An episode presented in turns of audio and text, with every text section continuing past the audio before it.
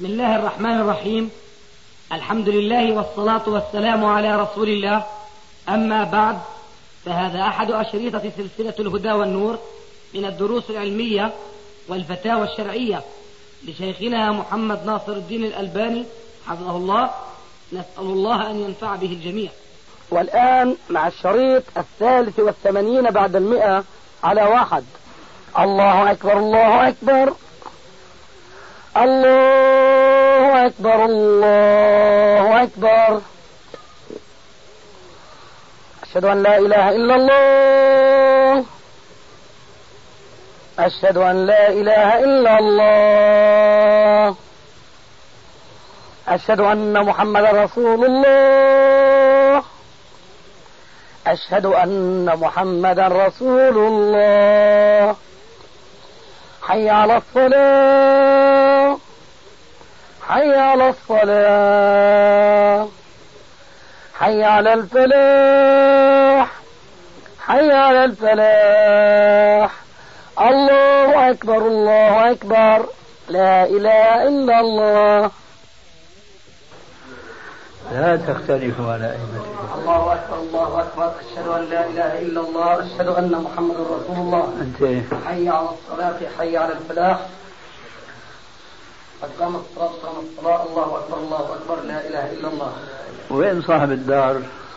نعم يا شيخ. نأذن لك يا شيخ. يا أخي هذا رشحنا للإمامة بدون إذن. لا لا نأذن لك لأنه حط لي هون الشارة يعني. الشارة تفضل. صلي.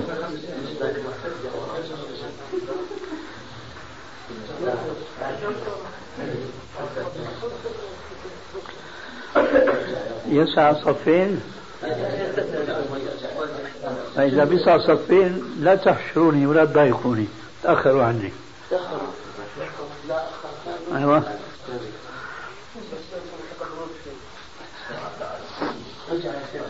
الله أكبر.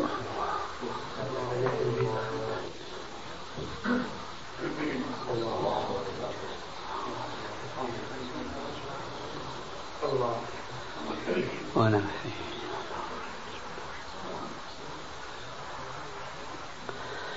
الحمد لله رب العالمين. الرحمن الرحيم. مالك يوم الدين. إياك نعبد وإياك نستعين. اهدنا الصراط المستقيم. صراط الذين أنعمت عليهم غير المغضوب عليهم ولا الضالين.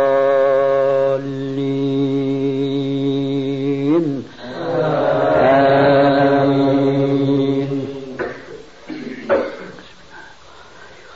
والشمس وضحاها والقمر إذا تلاها والنهار إذا جلاها والليل إذا يغشاها والسماء وما بناها والأرض وما طحاها ونفس وما سواها فألهمها فجورها وتقواها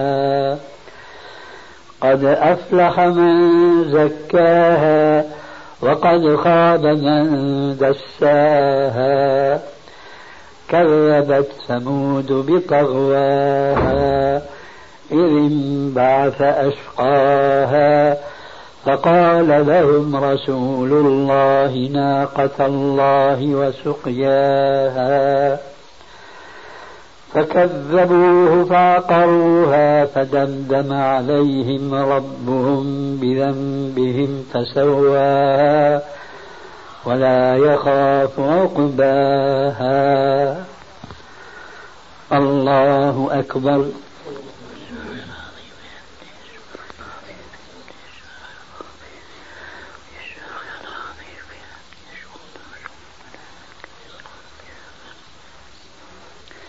سمع الله لمن حمده.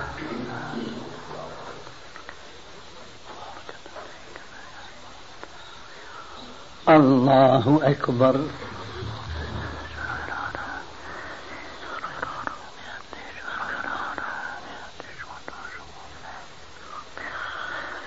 الله أكبر.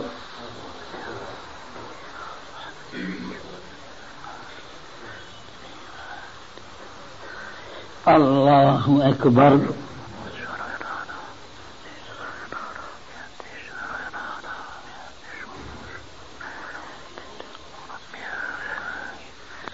الله أكبر.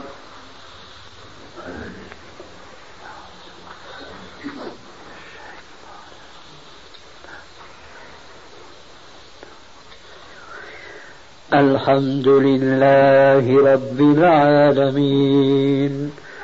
الرحمن الرحيم. ملك يوم الدين. إياك نعبد وإياك نستعين. اهدنا الصراط المستقيم. صراط الذين أنعمت عليهم غير المغضوب عليهم ولا الضالين.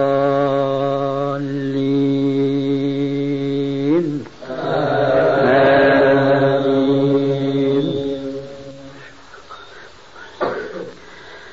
والليل إذا يغشى والنهار إذا تجلى وما خلق الذكر والأنثى إن سعيكم لشتى. فأما من أعطى واتقى وصدق بالحسنى فسنيسره لليسرى.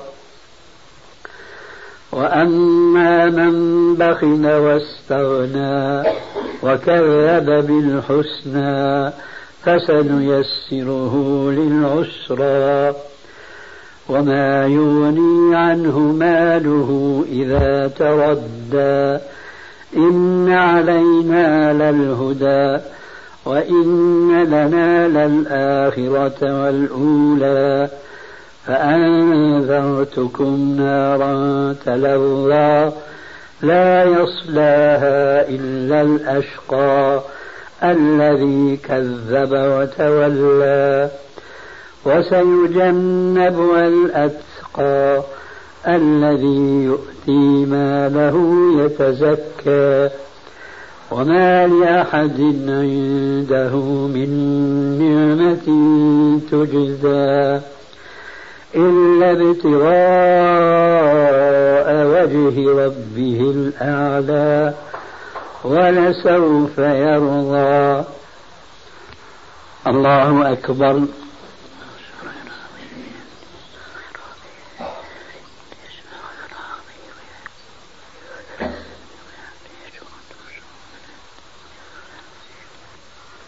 سمع الله لمن حمده.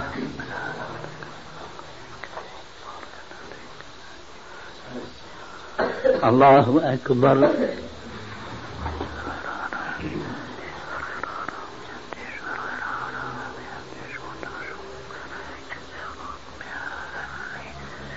الله أكبر. رب اغفر لي وارحمني. الله أكبر.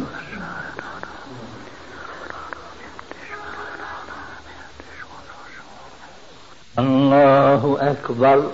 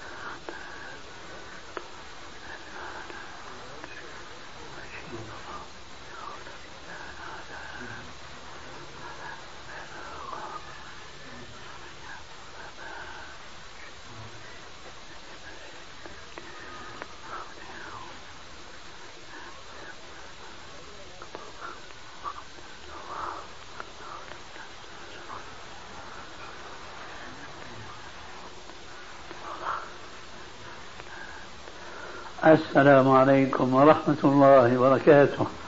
السلام عليكم ورحمة الله. استغفر الله.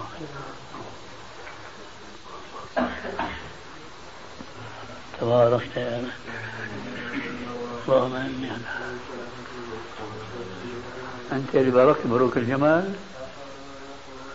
انهزت الأرض تحت مني. اذا غيرك. أريد أن أذكر بقضيتين القضية الأولى هي مسابقة الإمام بالتأمين وهذا خطأ.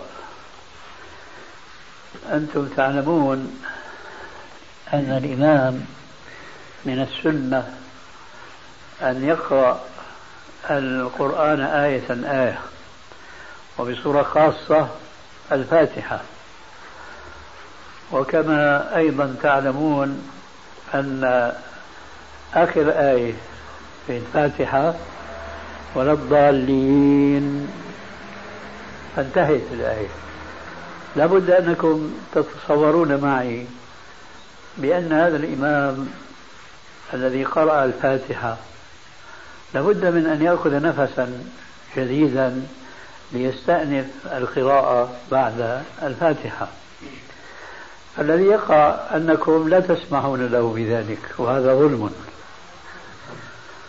وأكثر من هذا الظلم أنه مخالفة لحديث الرسول عليه السلام حيث قال إذا أمن الإمام فأمنوا. فإذا كنتم لا تسمحون له بأن يتنفس ليستطيع أن يقول آمين. فكيف يمكنكم أن تقولوا آمين بعد أن يقول هو آمين؟ هذا خطأ شائع. وإن كان مستساغا أن يكون شائعا بين جماهير الناس الذين لا يهتمون بالسنة وباتباع أوامر الرسول عليه السلام فليس مستساغا أبدا أن يكون هذا الخطأ ساريا وشائعا بين أهل السنة. ولذلك فلزام عليكم إذا اقتديتم وراء الإمام في الجهرية أنكم إذا سمعتموه يقول ولا الضالين فاحبسوا أنفاسكم. لا تتسرعوا بالنطق بآمين لأنه بعد ما أخذ نفس ليقول آمين. فعليكم أن تحبسوا أنفاسكم مرحلتين. المرحلة الأولى بمقدار ما يأخذ الإمام نفسا جديدا. المرحلة الثانية حين يقول آه تسمعون ابتداءه بألف آمين. حين ذاك تبدأون أنتم بدوركم آمين. ومن العجيب مع صريح هذا الحديث الصحيح وهو في البخاري مسلم إذا أمن الإمام فأمنوا فالمسلمون يضيعون على أنفسهم بسبب جهلهم بهذا الحديث أو بسبب إهمالهم لتطبيق هذا الحديث أجرا عظيما جدا جدا. لو عاشه المسلم عاش عمر نوح عليه السلام لما كان الثمن إلا بخسا تلقاء ذلك الأجر العظيم وهو مغفرة الله عز وجل لأن تمام الحديث إذا أمن الإمام فأمنوا فإنه من وافق تأمينه تأمين الملائكة غفر له ما تقدم من ذنبه غفر له ما تقدم بماذا؟ بأن تحبسوا أنفاسكم أن تصبروا قليلا على الإمام حتى يتراد إليه نفسه ليتمكن من أن يبتدئ بآمين. فإذا سمعتموه قال آ بدأتم أنتم بعده بآمين. ولأمر ما كانت السنة الصحيحة أن يجهر الإمام بآمين وليس كما يقول الحنفية وأمثالهم بأن الإمام لا يجهر بآمين. السنة العملية أن النبي صلى الله عليه وسلم كان إذا قرأ الفاتحة قال آمين ورفع بها صوته. ورفع بها صوته. هذه سنة عملية ويرحمك الله. والحكمة من وراء ذلك واضحة. ليتمكن المقتدون من الحصول على مغفرة الله عز وجل بأن يقولوا بعيد قول الإمام آمين أن يشاركوه في هذه الكلمة. فيحظون بذلك بمغفرة الله عز وجل. بل قال بعض العلماء القدامى لا يقول المقتدي آمين إلا بعد فراغ الإمام من قوله آمين. وهذا أبلغ في كبح جماع هذا الانطلاق الشائع في كل بلاد الدنيا. إن صليت في المدينة وإن صليت في مكة وإن صليت في القاهرة كل الناس مثل ما قال ذاك التركي هبسي بربر. كله مثل بعضهم. أبدا. ما فيهم ناس بيمسكوا أنفاسهم هذه ليقولوا على الأقل بعد أن يبدأ الإمام بآمين. فهذه أزرعها في قلوبكم. ولا أقول في عقولكم لأن القلب هو مركز العقل ولا شك في الإسلام. فعليكم أن تتذكروا وأن تفعلوا ذلك وأن تبلغوا ما وراءكم. المسألة الأخرى. المسألة الأولى شيخنا أيهما أفضل؟ البدء معه عندما يقول آمين أو الانتظار لا الأولى التي دندنا حولها. الرواية الأخرى. فإذا قال ولا الضالين فقولوا آمين. ما تنافي هذه؟ ماذا تفهم من الرواية الأخرى؟ إذا قال ولا الضالين هل يقول الإمام آمين أم لا يقول؟ ها؟ إذا ضم هذا إلى هذا تطلع بالنتيجة التي سمعتها. يعني تفسر حديثك بحديثه فتقول وهذا كما قلنا بالنسبة للجمع بين الأحاديث هناك في الداخل لا صلاة لمن لم يقرأ الكتاب إلا من أدرك الإمام راكعا.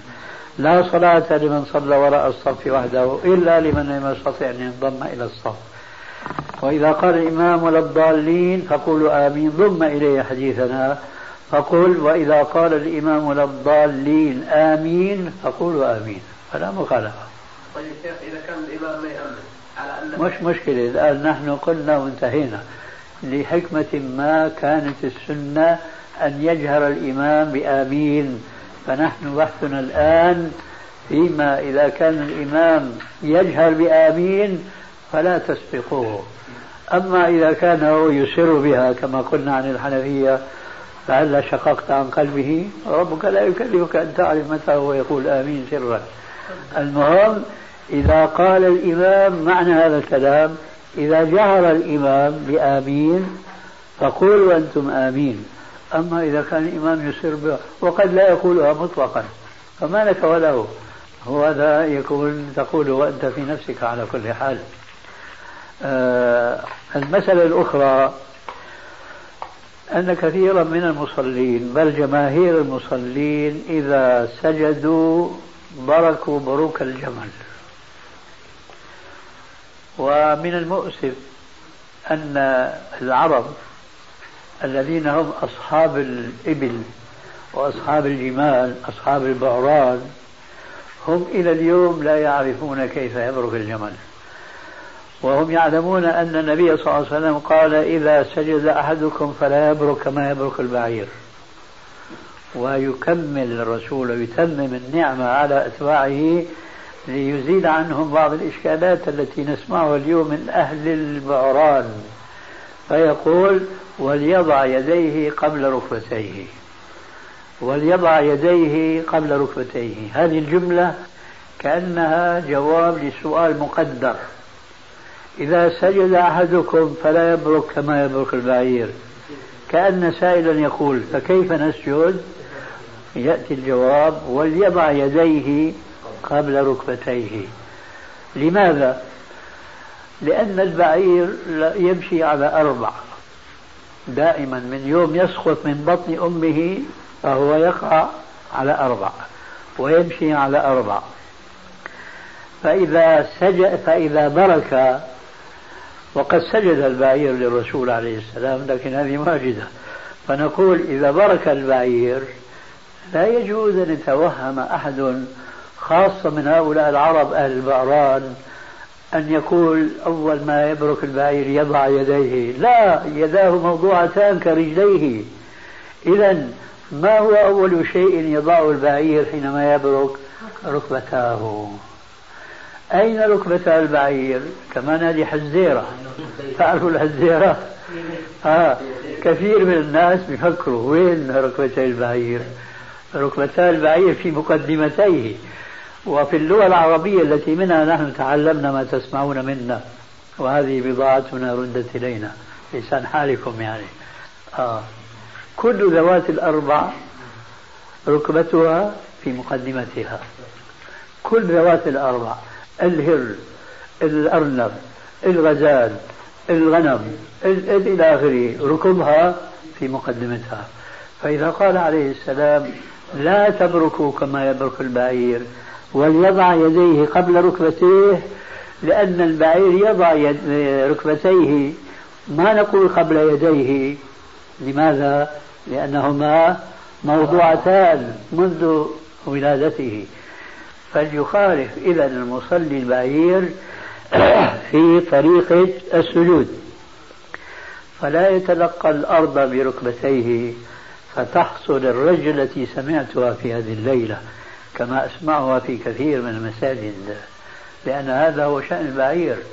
البعير حينما يبرك الحقيقة الأرض الصلبة الصلدة تسمع لها رجة تحت قدميه لشدة وقوعه على إيه؟ ركبتيه وبخاصة إذا كان محملا بالأثقال. فيكون الذي يبرك على ركبتيه متشبها بالبعير وهذا التشبه منهي عنه. بصورة عامة وبصورة خاصة. بصورة عامة نهى الشارع الحكيم عن التشبه بالحيوانات نهى عن بروك كبروك الجمل وعن التفات كالتفات الثعلب وعن نقر كنقر الغراب. ثم جاء هنا بصورة خاصة فقال إذا سجد أحدكم فلا يبرك كما يبرك البعير وليضع يديه قبل ركبتيه. إذا لاحظتم تجدون الذين يتلقون الأرض بأيديهم كالنمس. تعرفون النمس؟ حيوان خفيف جدا لا تحس بمشيته. هؤلاء الذين يسجدون على السنة ويتلقون الأرض بأيديهم لا تكاد تسمع لهم حسا. بينما أولئك الذين يبركون على ركبهم تسمع لهم رجة كرجة البعير. فحسبكم أن تعرفوا هذه وأيضا تعملونها وتبلغونها إلى ما وراءكم. والسلام عليكم.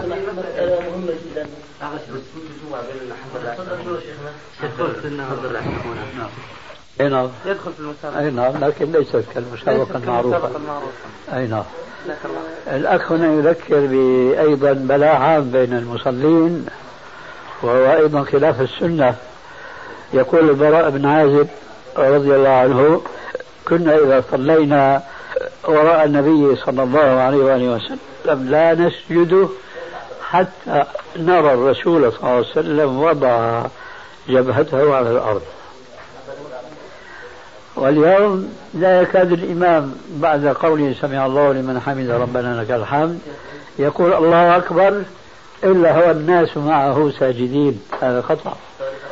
هو يقول الله أكبر فإذا رؤي أنه انتهى من الهوي إلى السجود ووضع جبهته على الأرض حين ذلك يبدأ الصف الذي وراءه بالسجود معه عليه السلام.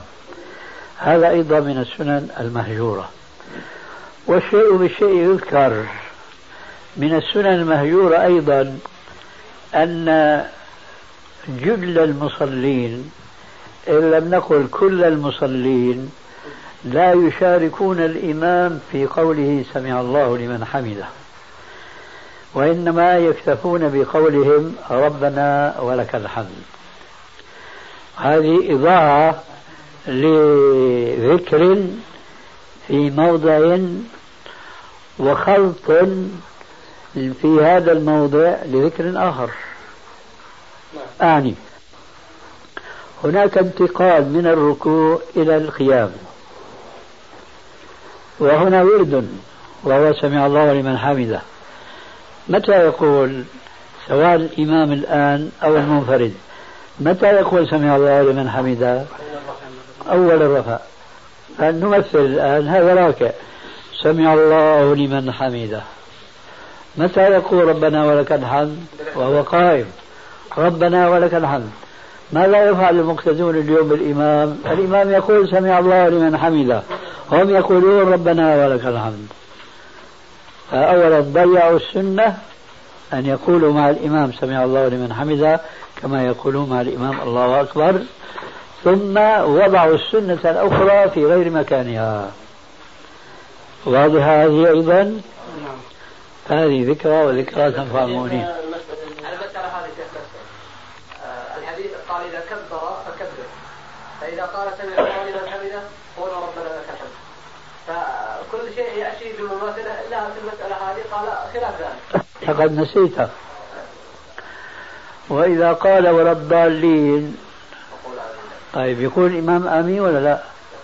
من أين أخذته؟ من هذا الحديث؟ حديث آخر. هو جوابك. فهمتني؟ طيب. غيره. آه. حول ماذا؟ وعم يقول الأخ التوحيد التوحيد نعم. التوحيد آه. في الاسماء والصفات آه. في صفه العين لله عز وجل إيه. لأنه ما يعني ما ورد فيه النص فظاهر النصوص القران صريح القران والسنة عين واعين ظاهر السنة يعني ماذا؟ أن لله عين ولله اعين ظاهر السنة يعني أي حديث؟ أقصد القرآن. القرآن إنك بأعيننا. نعم. أي هذا لا يعني أن هناك يعني أكثر من عينين لأنه الجمع إذا أطلق آه، في كثير من الأحيان أقل الجمع اثنان. هذا لا يعني أن له أكثر من عينين. لكن لما قلت السنة أحببت أن أعرف لأن السنة دائما يعني بتكون مكملة للقرآن وموضحة كما هو معلوم. آه، أنا أعتقد أن هذا الرأي حادث يعني. آه، ليس من رأي السلف. والمنقول في كتب التوحيد وكتب العقائد أن له عينين. وبعض العلماء القدامى يستدلون بحديث الدجال أنه أعور وإن ربكم ليس بأعور وإن أحدكم لا يرى ربه حتى يموت. آه، ليس عندنا نص صريح بأن له أكثر من عينين. والمتوارث عن عقيدة السلف هو الإثبات العينين على ظاهر حديث الدجال على كثرة طرقه. فالذي يتبادر من هذا الحديث ولا يخطر في البال سواه أن الدجال إحدى عينيه ظاهر السنة يعني ماذا؟ أن لله عين ولله أعين ظاهر السنة يعني أي حديث؟ القرآن القرآن إنك بأعيننا نعم. أي هذا لا يعني أن هناك يعني أكثر من عينين لأنه الجمع إذا أطلق في كثير من الأحيان أقل الجمع اثنان هذا لا يعني أن له أكثر من عينين لكن لما قلت السنة أحببت أن أعرف لأن السنة دائما يعني بتكون مكملة للقرآن وموضحة كما هو معلوم. آه، أنا أعتقد أن هذا الرأي حادث يعني. آه، ليس من رأي السلف. والمنقول في كتب التوحيد وكتب العقائد أن له عينين.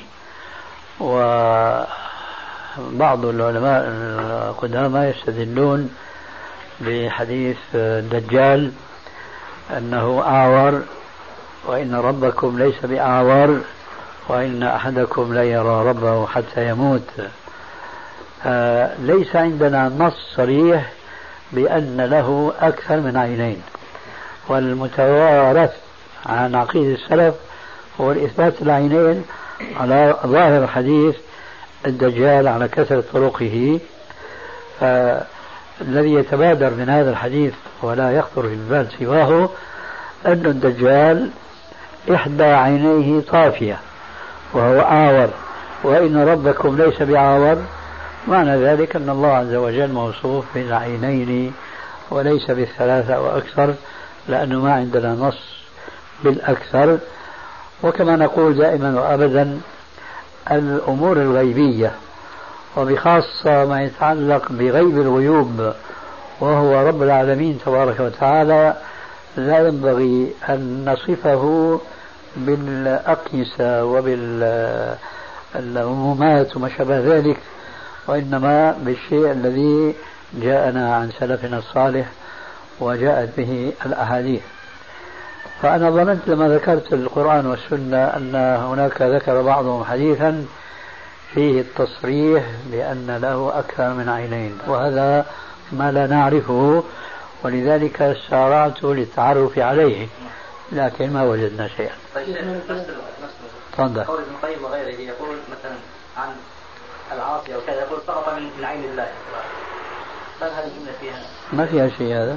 لأنه كلمة الآية السابقة إنك بأعيننا لا يقصد يعني المعنى الذي قد يتبادر لبعض الجهلة. يعني أنت تحت رعايتنا وتحت إشرافنا وليس المقصود يعني إلا هذا. فكلمة ابن القيم هو من هذا القبيل. مثل هذا يقال في اليدين. أي شو يعني؟ يعني ورد في القرآن. أنه أكثر وأقل. نعم. أي نعم. لا يزاد عليه. هذه أطرح لأنه في العين أي نعم. نعم. في قاعدة في الاسماء والصفات آه، ان الشيء المسلم. لما نقول يد مثلا آه، للإنسان أو نقول يد طولة مثلا له يد طولة. هذا يعني وإن كانت هذه آه، آه، يعني لهجة تكون كناية أو كذا ولكن هناك حقيقة يد له. آه. فكذلك لما نقول عن الله عز وجل مثلا فإن آه، تجري بأعيننا وإن كانت هذه الصفة مثلا قد آه، قد يؤولها بعض ولكن أيضا تثبت من الناحية هذه. لكن أنت لا تؤولها على حد تعبيرك؟ لا لا هذه أيضا تؤول. لكن لا تسميها تأويلا. هذا هو التفسير. آه. هذا بتقول أنت صحيح لكن البحث هل هذا نص بأنه يعني يعني أكثر من عينين ليس نصا في ذلك لأن الجمع أقله اثنان. اللي أقصد شيخ من ناحية قوله تعالى بين يدي رحمته طيب الرحمة ما يدي. طيب. قدم الصدق الصدق ما قدم طيب ماذا تعني؟ هذه القاعدة ما انطبقت انطبقت في غيرها. آه، كيف الآية؟ ما منعك أن تسجد لما خلقت بيدي. هذا يقبل تأويل؟ لا أبدا إذا هذا يكفينا وأمثاله كثير وكثير جدا. صحيحة؟ لا صحيحة. صحيحة لكن صحيحة بالنسبة لما ثبت لدينا أن الأصل الذي جاء على خلافه ثابت في أحاديث أخرى. لكن لما أتيت في نصوص أخرى لكن لما أتيت أنت بقضية الريح وقدم صدق ونحو ذلك هذه أمور معنوية لم يثبت لدينا سلفا أن لها هذه الأعضاء التي آه، يعني ذكرت في هذا السياق.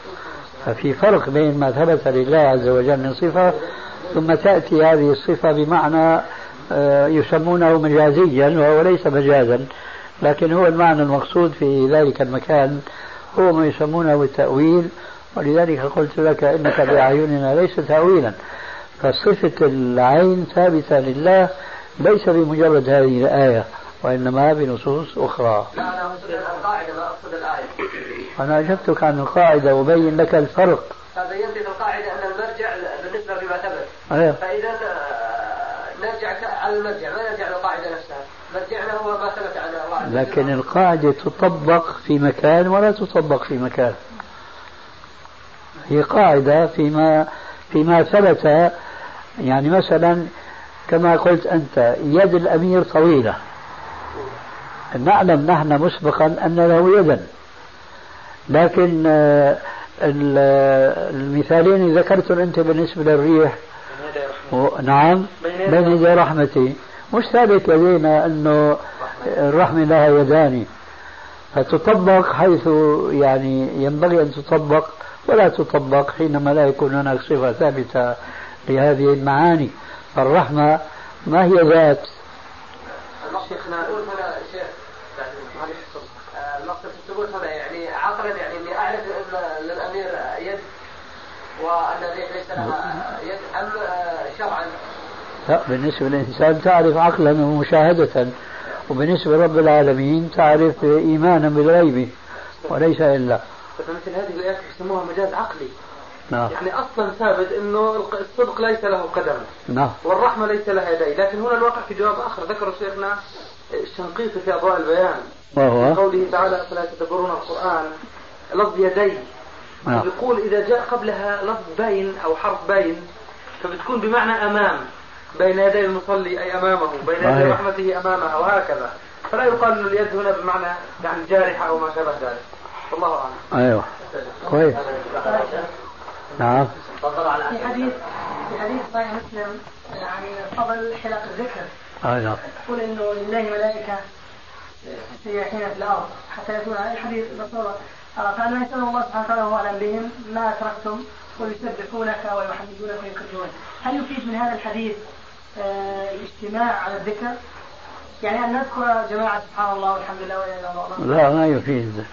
أنت طبعا تعني الاجتماع الذي يفعله الطرقيون. لا ما مش إذا ماذا تعني؟ يعني مثلا نجلس في مسجد عادي مش في القضايا الصوفيه طيب. ونقول سبحان الله معا بصوت واحد يعني. لا معا ما بتقول. كل كل واحد بيقول ما في مانع. وحتى لو كان بصوت عالي؟ كل واحد بيقول لا صوت عالي بيعمل تشويش.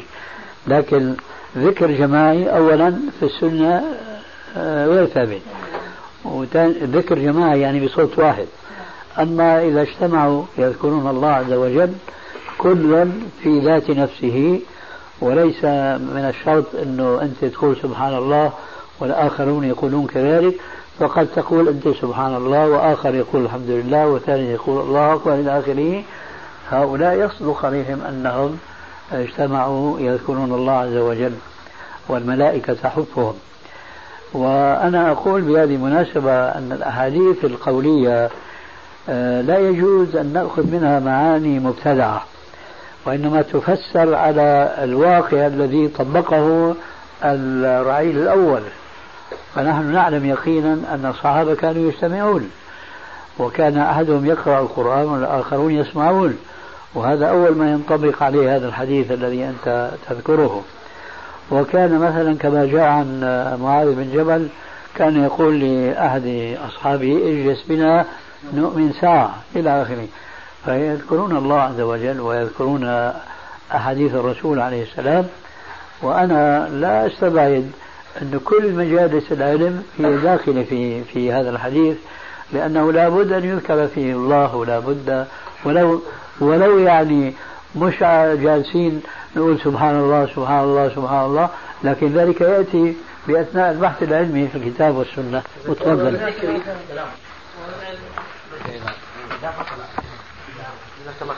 وقد جمعني لكن أنا أسألك أنت لأنك أنت السائل عن الحيعلتين هذول فأنا أريد أن أقرب إليك شيئا بشيء آخر. هل تعلم أنهم كانوا يضعون قبل هذا العصر أيديهم بعد الرأس من الركوع؟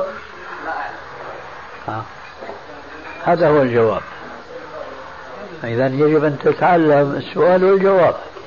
لا تعلم. هل تعلم أنهم كانوا يضعون أيديهم في القيام الأول؟ فإذا قولك هنا نعم وقولك هناك لا أعلم.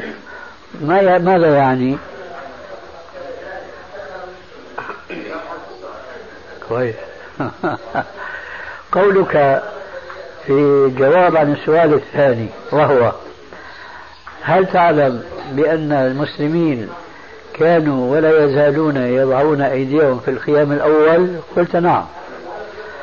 وسألتك قبل هذا هل تعلم أنهم كانوا يضعون في القيام الثاني بعد الركوع؟ قلت لا أعلم. ماذا ينتج من قولك أعلم هنا ولا أعلم هناك؟ ينتج ينتج أنه الوضع بعد القيام من الركوع سنة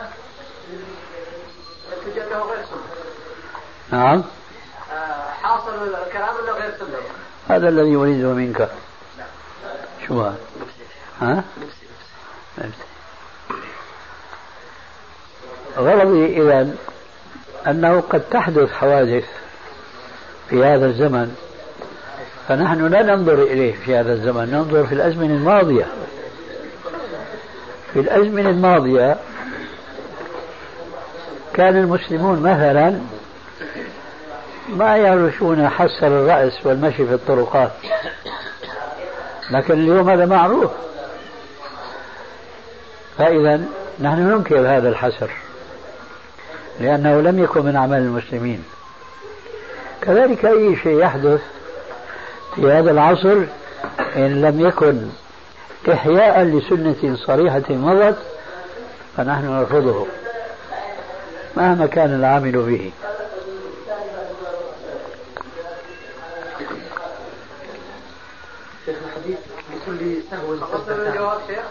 كيف؟ خلصنا من الجواب؟ خلاص نعم. هذا سؤالي ترى على الآذان خلي خلي. ما عرفت كيف أنا بقول لك أنه الذي نعرفه في كتب الفقه فيما مضى من الزمان هذا الالتفات في المرتين هكذا وفي المرتين هكذا. هذا الذي نعرفه.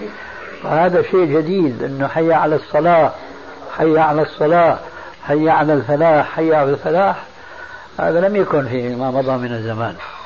حديث لكل سهو سجدتان ما هو ضابط هذا السهو؟ هل هو أي سهو في الصلاة؟ ولو كان يعني مثلا زاد شيئا نقص شيئا مطلقا. مجرد الكلام. مطلقا. سهو؟ إن كان سهوا. ولو سهوا. ولو سهوا ولو سنة. جزاك الله. طيب شيخنا يقول بعض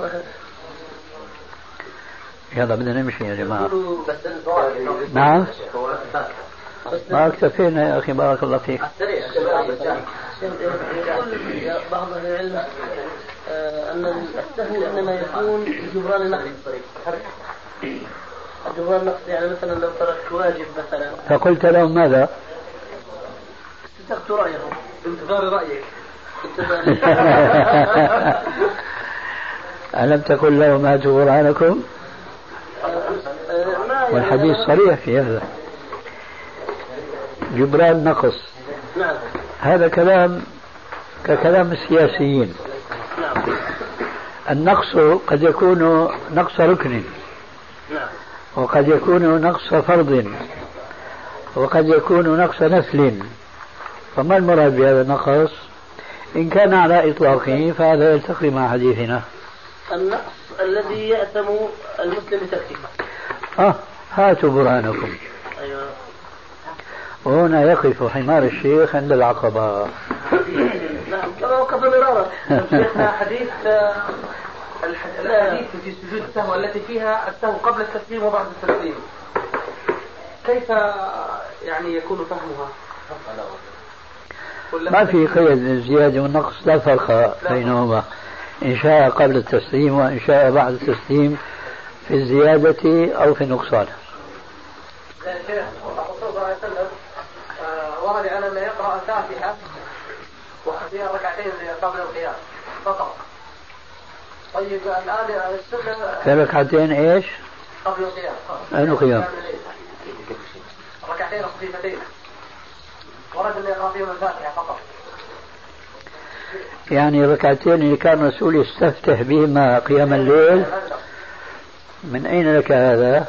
حديث ابن عباس اللي ذكرته في. إيه بيقول إنه ما كان يقرأ إلا الفاتحة هنا لا أعلم هذا في هذا منكم يذكر هذا؟ يجب أن نراجع ها؟ خفيفتين مذكور خفيفتين ما أقول له أنا هذا اللي ها؟ اللي.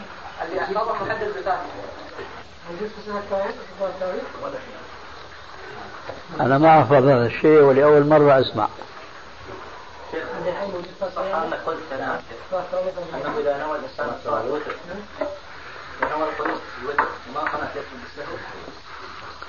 أي كيف لا؟ إذا لم يكن عن عمد وإنما عن سهو كلام الرسول لكل سهو سجدتان قضي الأمر الذي فيه تستفتيان. لا أنت مسؤول ناسيا. إذا عامدا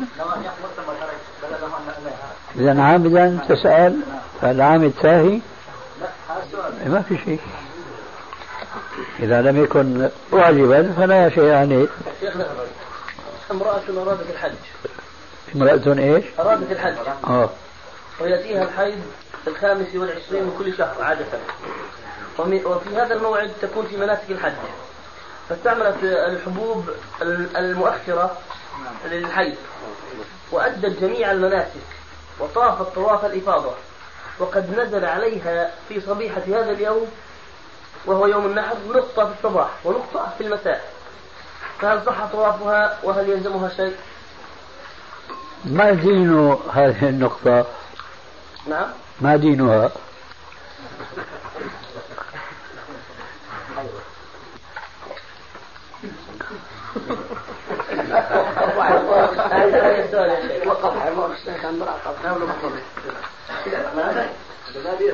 إيه مدينة أيوه المرأة لا مرأة مسلمة واحدة هذه نعرفها نقطة دم كرر يعني يعني أيوه هكذا فكر جيدا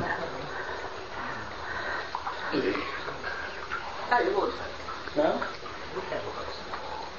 لا نقطة دم نزلت في موعد الحيض. يعني ما دينها؟ كيف لونها؟ لا. تلعب على لولها لا مضبوط ما إيه.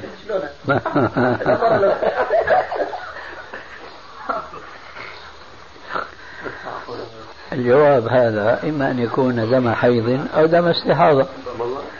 ودم الحيض أسود يعرف فإن كان كذلك فمعنى هذا أنها جاءها ما كانت تحذره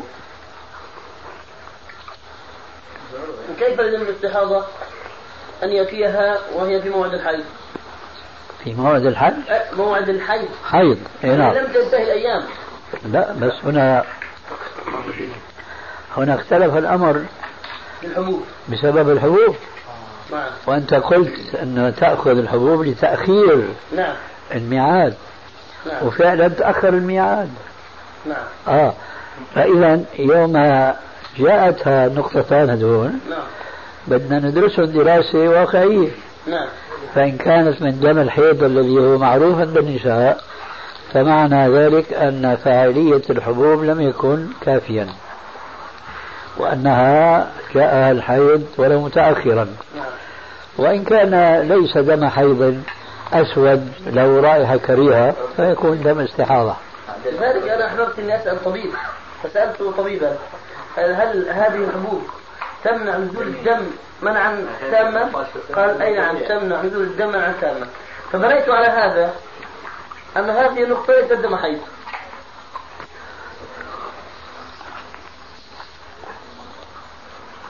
دخلوا الاثنين؟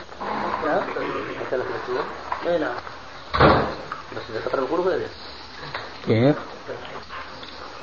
سألت الطبيب هل هذه الحبوب تمنع نزول الدم منعا تاما؟ قال لك نعم. فأجاب بنعم. طيب. فبنيت على هذه الإجابة أن هذا الدم الذي نزل ليس دم الحيض لأن دم الحيض ممنوع منعا تاما.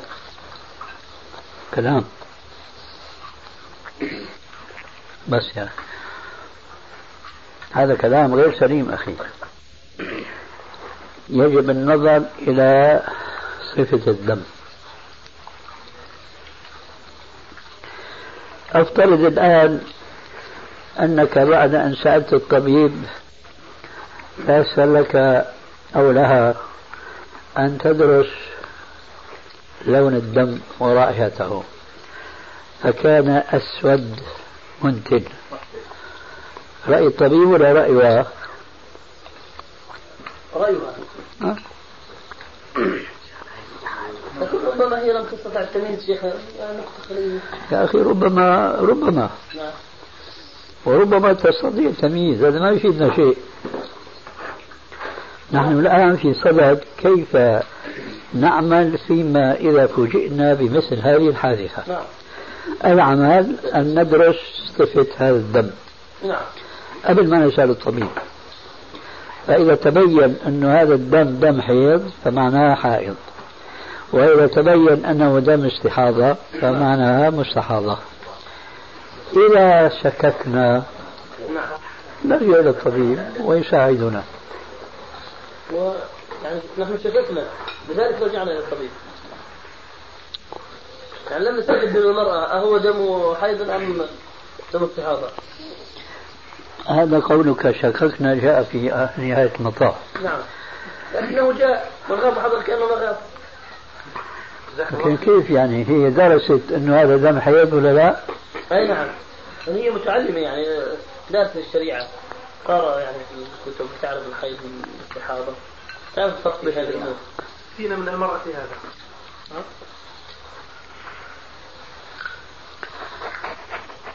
ولا تنسى تصور عليها أشياء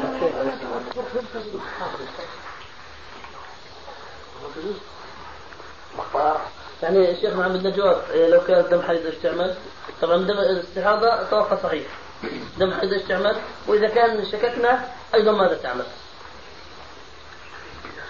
اليقين لا يزول بالشك. نعم. تبقى فإذا كانت طاهر فهي طاهر وطوافها صحيح. تمام وإذا غلب على ظنها أن الدم دم حيض فعليها أن تنتظر حتى تطهر وتطوف. حتى يصح لابد من حجها الانتظار. لابد. وإذا كانت القافلة ستمشي كثيرا تستطيع بحال من الأحوال. كثيرا ما يقال هذا هذه الصورة. أي نعم كثير جدا. لو كسرت لا سمح الله والقافلة تريد تمشي ماذا تفعل؟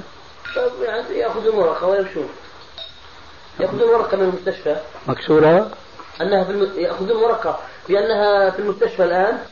شو بهمنا شو بهمنا التفصيل المهم شو بتسوي؟ لا يبلغها تتأخر ولا لا؟ هي تتأخر. والقافلة بتمشي. نعم. وكذلك الجواب. نعم. دين الله أحق أن يقضى. يعني ما في جواب شيخنا في مال ولا بتستطيع في عن بعض مشايخك هناك. إذا لم يستطع هذا من الناحية الإدارية. كيف طيب يعني؟ يعني منعوها مثلا قالوا لابد تسافري أو كذا. هذا بحث ثاني. طيب في هذا البحث شيخنا أنا بنحكي عن اختيار. أما منعوها إيه، بالواقع ما برضى آه. تنتظر 10 أيام. نعم بالواقع القوافل ما برضى تنتظر 10 أيام. أو سبعة أو شيء هي إذا ارادت ان تتخلف قد توقع الدولة لا بس المنع من الدولة. قوافل هو قصد الدولة. الدولة نعم. آه. الدولة كثير من الحجاج لا يسمحوا لهم أن ينزلوا في مزدلفة. نعم. آه. وبخاصة في منى اليوم الثامن. الثامن هذا منسي. آه. الله. سبحانك اللهم بحمدك أشهد أن لا إله إلا جزاك الله خير شيخ.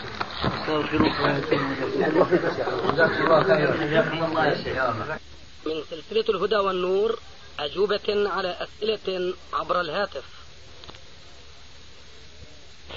لولا أنكم تشركون بالله فتقولون عيسى ابن الله. فقال النصراني ونعم القوم أنتم معشر المسلمين لولا أنكم تقولون ما شاء الله وشاء محمد. عند الصباح قص الرؤيا على الرسول عليه السلام. قال هل قصصتها على أحد؟ قال لا. فخطب الرسول عليه السلام في الصحابة وهذا الشاهد. قال طالما كنت أسمعكم تقولون كلمة فأستحي أن أنهاكم عنها أو نحو هذا الكلام. وهي قولكم ما شاء الله وشاء محمد. لا يقولن أحدكم ما شاء الله وشاء محمد ولكن ليقل ما شاء الله وحده. هذا الحديث بلا شك أنت سمعت مني ربما من غير أيضا مرارا وتكرارا. نعم يا شيخنا. والشاهد منه أن هذا الحديث كأحاديث كثيرة فيها تهذيب الألفاظ. وأنا شخصيا لما طبيت البلد صرت أسمع بعض إخواننا الفلسطينيين بيختصروا التصبيح بالخير وبيقولوا صبحك. فكنت أتساءل في نفسي أنه يا ترى هل الاختصار هذا في منه مانع ولا ما في منه مانع الآن وأنا أتحدث مع بعض أقاربي قوي عزمي على أن الأولى أن أنبه وهو أي تنبيه ينحصر في قضيتين. القضية الأولى أن الأولى التصريح بالله فأن يقال سبحك الله. مش مجرد سبحك تطلع كلمة هيك مثل مدفع. وإنما ينبغي أن نقول سبحك الله. ماشي؟ نعم شيخي. والثاني قد يسبح الله الإنسان بالخير تارة وبالشر تارة أخرى. فلما المسلم بيسبح الثاني صحيح أن المفروض أنه هو بيقصد الخير. لكن التصريح بالخير هو الأفضل والأنسب بالنسبة للمسلم مع أخيه المسلم. فبدل إذا بدل أن نقول صبحك نقول صبحك الله بالخير. واضح؟ نعم شيخنا. هذه ذكرى وذكرى تنفع المؤمنين. جزاك الله خير شيخنا. زيد لنا في عندك شيء آخر شيخنا. حسبك الآن. السلام عليكم. وعليكم السلام. كيف حال شيخنا؟ أحمد الله أشكره. كيف صحتك؟ بخير. كيفك أنت؟ الحمد لله رب العالمين. كيف الجميع عندك الحمد لله بخير والله. الحمد لله. يا مرحبا بالشيخ. حياكم الله. الله يحفظك.